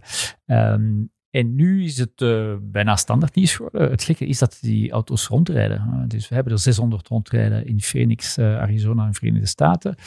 Um, en in China hebben ze ondertussen in verschillende steden de automatische taxis uitgerold. En Tesla begint met de uitrol naar echte gebruikers. Maar voor een of andere reden denken de mensen dat die zelfrijdende wagen er niet meer gaat komen. Omdat die niet overal rondrijden in België. Dat is typisch bij, uh, bij innovatie. Uh, je, je, droomt van iets, het duurt een tijd voordat het er komt en dan verdubbelt het wel. Maar als je twee auto's hebt, maar twee is maar twee auto's en dan 20 worden er 40 en dan 400 worden 400, 800, maar dat is altijd heel weinig tegenover de volle ja. aantal auto's die circuleren.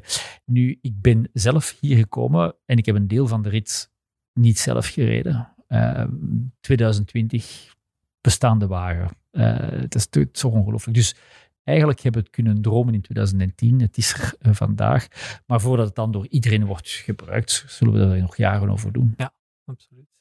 Um, als we gaan kijken naar uh, hele digitalisering, wat ook wel regelmatig daarbij dan komt kijken, is die kloof tussen de mensen die want het gaat ook over mensen wat niet digitaal zijn of het niet, ja, toch niet kunnen betalen of, of toch een stuk in die armoede zitten.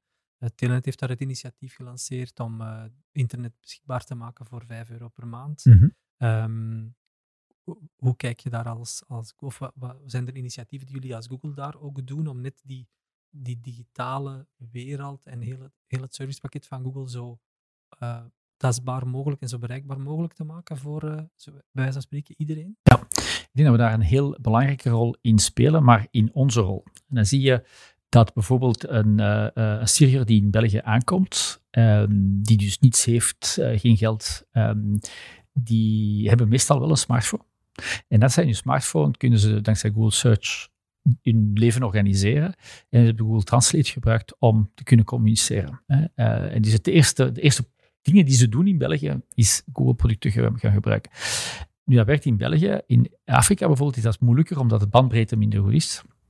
En dus hebben al onze producten uh, een Go-versie van gemaakt. Dus Google Go, uh, YouTube Go bijvoorbeeld, met, die werken met veel minder bandbreedte. Uh, waardoor dat ook die producten toegankelijk zijn voor mensen, plaatsen waar dat er minder bereik is.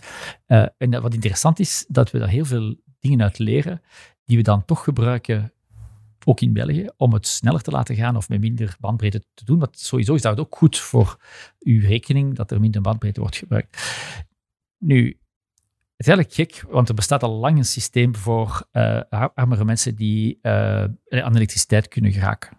Ondertussen zijn we 25 jaar verder informatiesnelweg. En Telenet komt er nu mee af. En het is internet, eh, de internetprovider die ermee komt. Ik denk dat echt is iets voor de overheid om te zorgen dat 11 miljoen Belgen wel degelijk een internettoegang uh, kunnen betalen.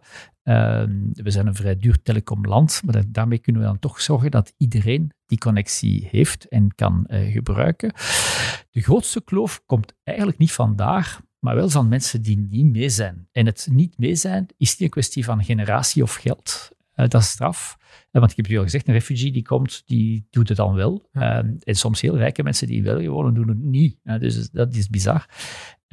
En het feit dat het zo'n kloof is naar oudere mensen bijvoorbeeld, is helemaal niet waar. Dat hebben we gezien met corona. Mensen in een woonzorgcentrum hebben zitten videochatten om connectie te hebben met de buitenwereld.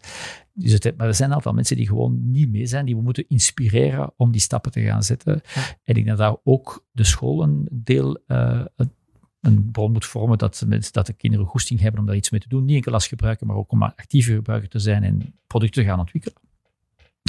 En dat uh, de overheid zeker moet uh, zorgen dat iedereen mee is. Met, het kan in bibliotheken zijn dat er internettoegang wordt, uh, wordt gegeven op andere plaatsen. Ik denk dat heel veel steden trouwens daar heel actief mee bezig zijn. Mm -hmm. Ik denk dat de steden begrepen hebben dat daar de rol is van de overheid die het dichtste bij de burger zit.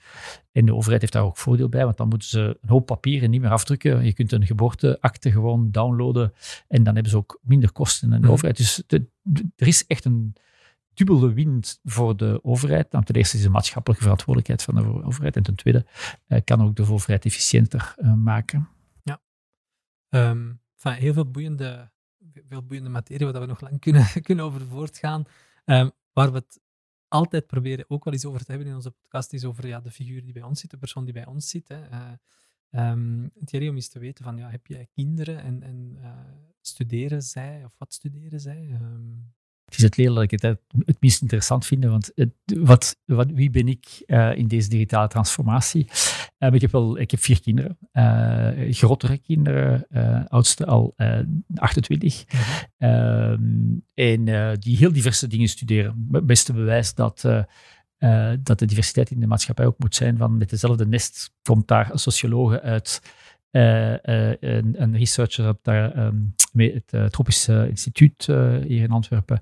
En, en ook een digitale marketeer. dan toch één, één van de vier, zou ik zeggen. maar die hebben dus niet, of helemaal niet de, de vader gevolgd. Die hebben ook alles gedaan dat het niet zou gebeuren, of in ieder geval niet gezegd van dat is de richting die je moet gaan, gaan doen. Ja, is dat een advies dat je hebt naar jonge mensen die ja, echt opgegroeid zijn in heel dat digitale, die, die digitale wereld. Want voor ja, een iets oudere generatie is dat nog allemaal. Ja, vroeger was het zo. Zij kennen niks anders dan dat. Van doe je ding. Je vindt wel uh, een job. Je vindt wel iets dankzij heel die digitale maatschappij die bij je past. Of je, je hebt heel de wereld aan je, aan je voeten, bij wijze van spreken.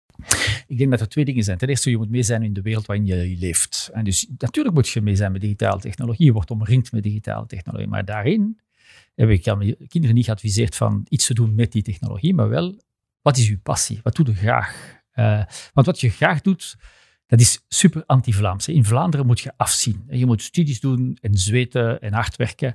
En uh, dan krijg je van die drama's van mensen die dan rechten studeren, jaren afzien en dan heel hun leven een job moeten doen die ze niet graag doen. Die is nog erger geworden. Want nu moet je heel je leven ook bijstuderen. Vroeger kon je zeggen, ik ben er na vijf jaar vanaf en dan doe ik die job dat ik niet graag doe. Maar nu moet je en studeren en de job doen die je niet graag doet en bijstuderen over iets dat je niet graag doet. Dat is absoluut. Dus het belangrijkste is, zoek naar je passie en ga voor je passie. En als je 50 bent en je hebt, doe je passie niet, verander van job nu. Uh, een vriend van mij is recentelijk uh, uh, schijnwerker geworden en is zo gelukkig. Ik helemaal opengebloeid. En zei ja, het mocht niet van mijn ouders. Uh, ik moest studies doen en zo. Maar eigenlijk, als ik in mijn atelier ben, ben ik een gelukkige wens. Mm um, dus ga voor je passie. Want je kunt sowieso niet kiezen voor een job met toekomst, want de toekomst gaat veranderen. Ja. Uh, en als je een job met toekomst wilt kiezen, gaat dat niet voor digitale marketing, gaat dan voor loodgieter. Uh, loodgieter, dat is de enige job waarvan ik u kan garanderen dat in die 2050 nog loodgieters nodig zijn, maar de kans dat er een robot binnenstapt bij u en een lek herstelt en terug buiten stapt, is onbestaand. Ja. Uh, waar digitale marketeer zou je nog kunnen zeggen, misschien is er artificiële intelligentie die maakt dat. Dat is allemaal toekomstmuziek. Uh, ik denk dat je um, perfect kan doen wat je graag doet, met passie. En dan met een hoge flexibiliteit gaat omgaan met de maatschappij die gaat evolueren. Ja, en je zei het al, um, heel in het begin, je hebt je droomjob. Uh, je zegt nu, je moet eigenlijk blijven studeren in onze maatschappij. Je hebt kinderen. Hoe waak je eigenlijk over je work-life balance? Mm. Goeie vraag. Uh, ik ben geprobeerd in een tijd dat dat nog zelfs niet ter sprake was. Zo. Er werd gewerkt. Uh, uh, en dus heb ik dat um, leren kennen als de kinderen al groter waren. Uh, ik moet zeggen, ik slaag er nu veel beter in. Ik win twee uur tijd aan commuting, hoewel we ook van thuis mochten werken voordien. Was ik zo opgegroeid in dat uh, keurslijf dat ik op kantoor moest zijn om te werken, dat ik mij verantwoordelijk voelde en ik dacht dat ik op alle dagen naar kantoor moest gaan. Dat is in Brussel, vanuit Antwerpen. en die twee uur tijd heb ik voor een deel aan mezelf besteed, aan mijn partner, maar ook beschikbaar zijn voor de kinderen. Maar voor mij is het een beetje laat. Kinderen zijn ondertussen groot en, en opgegroeid. Uh, maar ik ben jaloers over. Uh, ik heb een aantal medewerkers die recent uh, kinderen hebben gekregen. De tijd dat ze nu kunnen aan besteden, van, die, die, staan op vijf minuten van de crash. Zelfs als ze bij de crash zitten, vijf minuten later staan ze aan de crash, zijn altijd op tijd. Voor mij was de grootste stress in mijn leven als ik mijn kind moest gaan ophalen om de crash om daar op tijd te zijn. Want file is nu eenmaal iets in België. Die, in die stress die is onbeschrijfelijk. Dus je, zit in de wagen, je hebt geen gsm, beeld je in. Hè. Dus je bent in de jaren, uh, begin van de jaren 90, je krijgt kinderen, je zit op de crash en je zit vast op de A12. Ik heb het, ik, geen enkele werkstress is op de hoogte van die stress te zeggen dat je je kind te laat gaat halen bij, de, bij de crash. En dus ik denk dat ons digitale maatschappij elkaar kunt verwittigen, dat, dat je je partners kunt verwittigen om te gaan halen, dat je met Wees beter kunt inrekenen wanneer je moet vertrekken, dat je met Wees eventueel een, een omweg kunt doen om file te vermijden, maar ook dat je um, wat meer van thuis uit kunt werken als je kinderen hebt om dichter bij, bij hen te zijn. Dat is een luxe van de huidige generatie en ik zou zeggen, koester het. Ja. ja.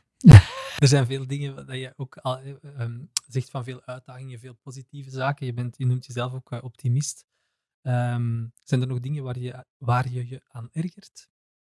Ten eerste, ik ga even corrigeren. Ik ben een possibilist. Ik ben geen optimist. Ik, ik zeg niet dat het alles fantastisch gaat worden. Ik zeg wel wat mogelijk is. Mhm. En ik toon ook dat het vroeger slechter was. Dat zijn twee dingen die ik wel doe. Maar ben ik optimist of niet, ben een possibilist. En ik denk dat als je gelooft dat het mogelijk is, dan kun je pas zorgen dat ze werkelijkheid worden. Zolang dat je niet gelooft dat het kan, doe je het niet natuurlijk. En waar ik me gigantisch aan erg, is de uh, opkomst van populisme. Uh, ik erg me maar ik ben voornamelijk heel bang uh, van die opkomst. De manier wat mensen soms hallucinante berichten vandaag als waar beschouwen, dat mensen tegenover elkaar opgezet worden, dat men zegt dat vroeger beter was, dat men als er iets innovatief is, dat men de definitie kraakt en pas en niet kijkt naar de mogelijkheden. Dat, dat maakt mij echt bang. want we, we, weten van de jaren 40 wat populisme kan geven. En die digitale technologie van vandaag, die kan ook populisme groter maken. Mhm. Dus het, het, alles, alle technologie heeft twee kanten. Een goede kant en een slechte kant. Het is de mens die beslist wat je ermee doet. En, en je ziet dat aan een aantal totalitaire regimes. Eh, die gebruiken het internet op een slimme manier. Die sluiten de grenzen af. Die hebben een, eh, een, internet die enkel functioneert in hun eigen land. En gebruiken dan die technologie om hun burgers te gaan uh, spioneren.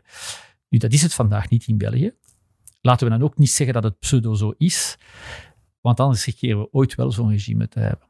En dus we moeten met z'n allen, de, de positiviteit is een sociale verantwoordelijkheid.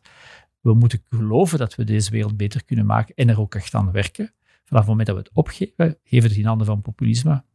En dat is toch voor niemand goed. Mm ja. Tegenover ergernis staat energie uit dingen halen. Uh, zijn er zaken dat je zegt van dat is voor mij een bron van energie?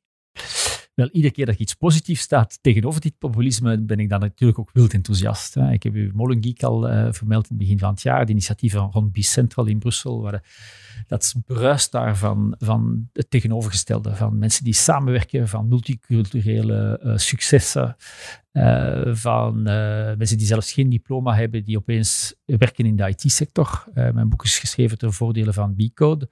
B-Code geeft opleiding aan mensen die geen enkel cv hebben of geen enkel opleiding en die dan na een screening van hun motivatie, niet van hun kennis, maar van hun motivatie, na negen maanden uh, als IT'er wordt opgeleid, 80% van, daarvan krijgt onmiddellijk een job. Dat is fantastisch. Dat wil zeggen dat je, dat je kunt geloven dat iedereen die vandaag geen job heeft, een job kan hebben. Uh, als je kijkt naar wat de artificiële intelligentie kan doen voor geneeskunde, dan geloof je ook dat je een aantal problemen in die kant uh, kan oplossen. En dat geeft me echt waanzinnig veel energie om daarover te spreken. En daarvoor zit ik hier vandaag. Ik heb perfect thuis kunnen blijven. Uh, ik zit hier vandaag omdat ik geloof dat ik heb het geluk van met die technologie mijn kosten kunnen verdienen en dankzij dat ook uh, door die crisis te kunnen gaan bijvoorbeeld, dat geeft mij de verantwoordelijkheid om te hopen andere mensen te overtuigen van er iets mee te gaan doen. Misschien iets anders dan ik zou denken, maar dat maakt me niet uit. Zolang dat er maar een positieve vibe is van dingen op te pakken en, uh, en op te lossen. En geloof dat de wereld beter kan en slechter was voor. Dat is uh, simpel, maar daarvoor moet je het uh, zeggen, herhalen, nieuwsfeiten die verkeerd geïnterpreteerd worden, uitleggen. van zelfrijdende auto's die gevaarlijk zijn, tot en met vaccins die zogezegd niet werken. Dat zijn allemaal, hoe is het mogelijk dat we daar, dat we daar intrappen? Zijn dat dan ook, je haalt daar heel straffe voorbeelden aan van zaken die technologie kunnen. Zijn dat dan ook de zaken waar je inspiratie uithaalt? Of waar haal jij je, je persoonlijke inspiratie? Het is bijna nooit door die technologie die iets cool doet. Het is bijna altijd het effect dat het heeft op mensen. Uh, dat, dat je de, de foute diagnose van borstkanker kunt reduceren van een derde, want dat is vandaag, dus een derde van de borstkankerdiagnoses uh, uh, zijn fout. Overschatten of onderschatten. Dat je daar naar 98% kunt brengen, dat is fantastisch. Kijk je daarvoor op de technologie die dat doet, ja, dat is natuurlijk wel, als je het hoort, is het wel cool. Maar je denkt gewoon aan die bijna een derde van de vrouwen die daarmee geconfronteerd worden, die je kunt helpen. En dan zeg je van, wauw. En dan denk ik onmiddellijk van, wat kunnen we dan nog anders oplossen? Eh, of hoe kunnen we zorgen dat die technologie sneller wordt, geadopteerd? Hoe kunnen we zorgen dat we een aantal uh, blokkeringsmiddelen daar, daaruit halen? En hoe kunnen we zeggen, oh, dat kunnen we dan ook andere dingen gaan oplossen? Welke andere ziektes kunnen we dan mee oplossen? Oh, tja, het komt eigenlijk goed uit. België is kampioen in de wereld van gezondheidszorg. Eh, eigenlijk als we artificiële intelligentie in België ontwikkelen, kunnen we de hoofdstad worden van de digitale gezondheidszorg. En daar krijg ik waanzinnige energie over. Gaat het gebeuren of niet? Ik weet niet. Maar in ieder geval, het is mogelijk. Het is weer een possibilist in mij die zegt van, als ik het hard genoeg zeg, dan zullen de mensen, een aantal mensen misschien daardoor geïnspireerd worden. Als ik ga spreken, ik spreek op een webinar of ik ga op een avond naar een, een aantal studenten spreken, is het voldoende dat één student een goede feedback geeft en zegt van ik heb daar iets mee gedaan, is mijn avond goed. Dan heb ik een hele avond opgegeven voor 500 studenten, maar als er ene is die zegt van ik heb het begrepen, ik ga van studierichting veranderen of ik begin morgen met mijn bedrijf dat ik dacht te doen, maar ik twijfelde nog. Of ik begrijp beter uh, wat het impact van digitalisering is op mijn toekomst. Dan is deze mens gelukkig. Hoef ik, moet niet veel hebben eigenlijk. Oké. We eindigen onze podcast eigenlijk voor elke gast een beetje met de laatste, uh, of met dezelfde vraag als laatste vraag.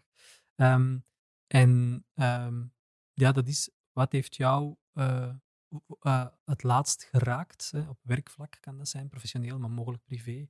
Uh, is er iets dat je zegt van ja, op dat moment positief of heeft mij toch wel een beetje naar de keel gegrepen? Heb ik, ben ik geraakt geweest? Ja, natuurlijk, heel de corona heeft mij dagelijks geraakt op, in alle kanten. Ik heb uh, emotioneel alle hoeken van de kamer uh, gezien en ik vermoed wij allen. Hè. en daar raken dan in alle richting de, de, het menselijk leed dat dat uh, maakt, bijvoorbeeld bij de, bij de horeca. De, stel je voor dat je heel je leven een, een restaurant hebt uh, ontwikkeld en gekoesterd en dat draaide eindelijk goed en je levensdroom gaat om zeep of een ondernemer die net begonnen is en die eigenlijk een goed plan had, maar die, die daardoor corona de, de plannen doorbreekt. Uh, de, de schijnende situaties in, in woordzorgcentra, ehm, ja, daar kun je dan kun je alleen maar van gewoon stilstaan en zeggen van kijk, eh, we moeten door, want dat is de enige manier. Mhm. Eh, maar je kunt, je kunt niet gewoon aan je dag beginnen alsof er niets aan de hand is. Mhm. Eh, en, en, daar kan ik, ofwel moeten we nog drie uur blijven om, om dat op te sommen. maar dat is het belangrijkste. En dus mijn drive zal zijn van hoe kunnen we terug de menselijke connectie maken. En nu kunnen we de ondernemers zoveel als mogelijk helpen om er door te komen. Ja, zijn er ook positieve zaken die je daar dan zegt van dat zijn voor mij al uh, heel straffe voorbeelden van hoe dat, dat dan omgebo omgebogen is naar iets heel tastbaar, iets heel positiefs. Ja, vooral, en dat mij geïmpacteerd heeft, is dat, we niet meer moeten in die file staan twee uur per dag. Ik denk dat dat voor iedereen wel een, uh, een voordeel is. Uh, ook menselijke correcties die sterker geworden zijn. bijvoorbeeld, ik, ik, vond het fantastisch te lezen dat het sportspel, de gezelschapsspelletjes gaan door het dak. Dus wat doen mensen? Ja, ze zitten vast thuis en ze beginnen terug aan een oud, lekker gezelschapsspel. Ja, dat is geweldig, want ja, dat is technologie is daar niet voor nodig. Uh, uh, en dat moet je ook weglaten. Op dat moment laat die smartphone maar, uh, maar weg. Maar ik vind het ook bij mijn kinderen, als wij een, een gezelschapsspel bovenhalen en we spelen, en dat zijn sterke momenten. mensen zijn terug aan de kook geraakt bijvoorbeeld. Dat is ook tof. je kookt dan terug. Je, de, een aantal waarden komen heel sterk naar voren.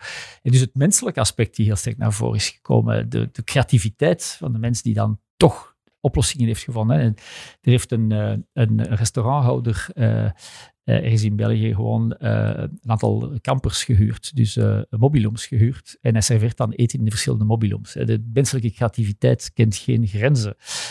in, in Amsterdam is er een restaurant waar die een aantal sterren heeft gezet, waar je dan in een ster kunt, kunt eten. Je eet gewoon met twee. je krijgt. Dus die creativiteit vind ik het fantastisch. En de veerkracht van de mensheid is geweldig. En dat zie je ook in, in alle mogelijke uh, vreselijke toestanden die mensheid dat heeft meegemaakt, hoe dat die, die reactiviteit er is. En dat is de natuur. Hè. Je ziet, uh, er is een brand en heel snel na die, na die brand komt terug de natuur boven, komen er terug kleine, kleine dingen groeien. Ehm, en het is natuurlijk het leed van alles wat verbrand is, maar de hoop van alles wat teruggroeit. Ik hoop gewoon dat we heel bewust met dat moment omgaan om de goede dingen te laten groeien en de slechte dingen te laten staan waar ze uh, stonden.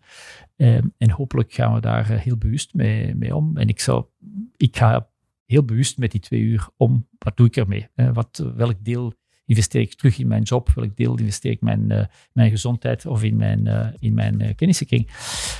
En zo moeten we met, met ons leven omgaan. Dus bewust leven, uh, positief in het leven en dan technologie gebruiken, omdat het een goed hulpmiddel is. Ja. Oké, okay, dankjewel. Um, heel boeiend, uh, heel wat stof en materie om nog over uh, door te praten. Um, ik wil u bedanken voor uw komst. Graag gedaan. En voor uw inspirerende babbel. Um, voor de mensen die luisteren of kijken wil ik nog even meegeven dat onze podcast een maandelijkse podcast is, ondanks corona. Uh, heb er wel één aflevering tussen uitgeknipt, maar die proberen we zeker nog wel in te halen. Wil jij ook op de hoogte blijven? Abonneer je dan zeker via je favoriete podcast-app. En uh, heb je dat nog niet gedaan? Beluister dan zeker ook onze vorige afleveringen en vergeet ook ons niet te reviewen en te raten. Zo kunnen ook andere luisteraars makkelijk de weg vinden naar deze podcast. Tot de volgende.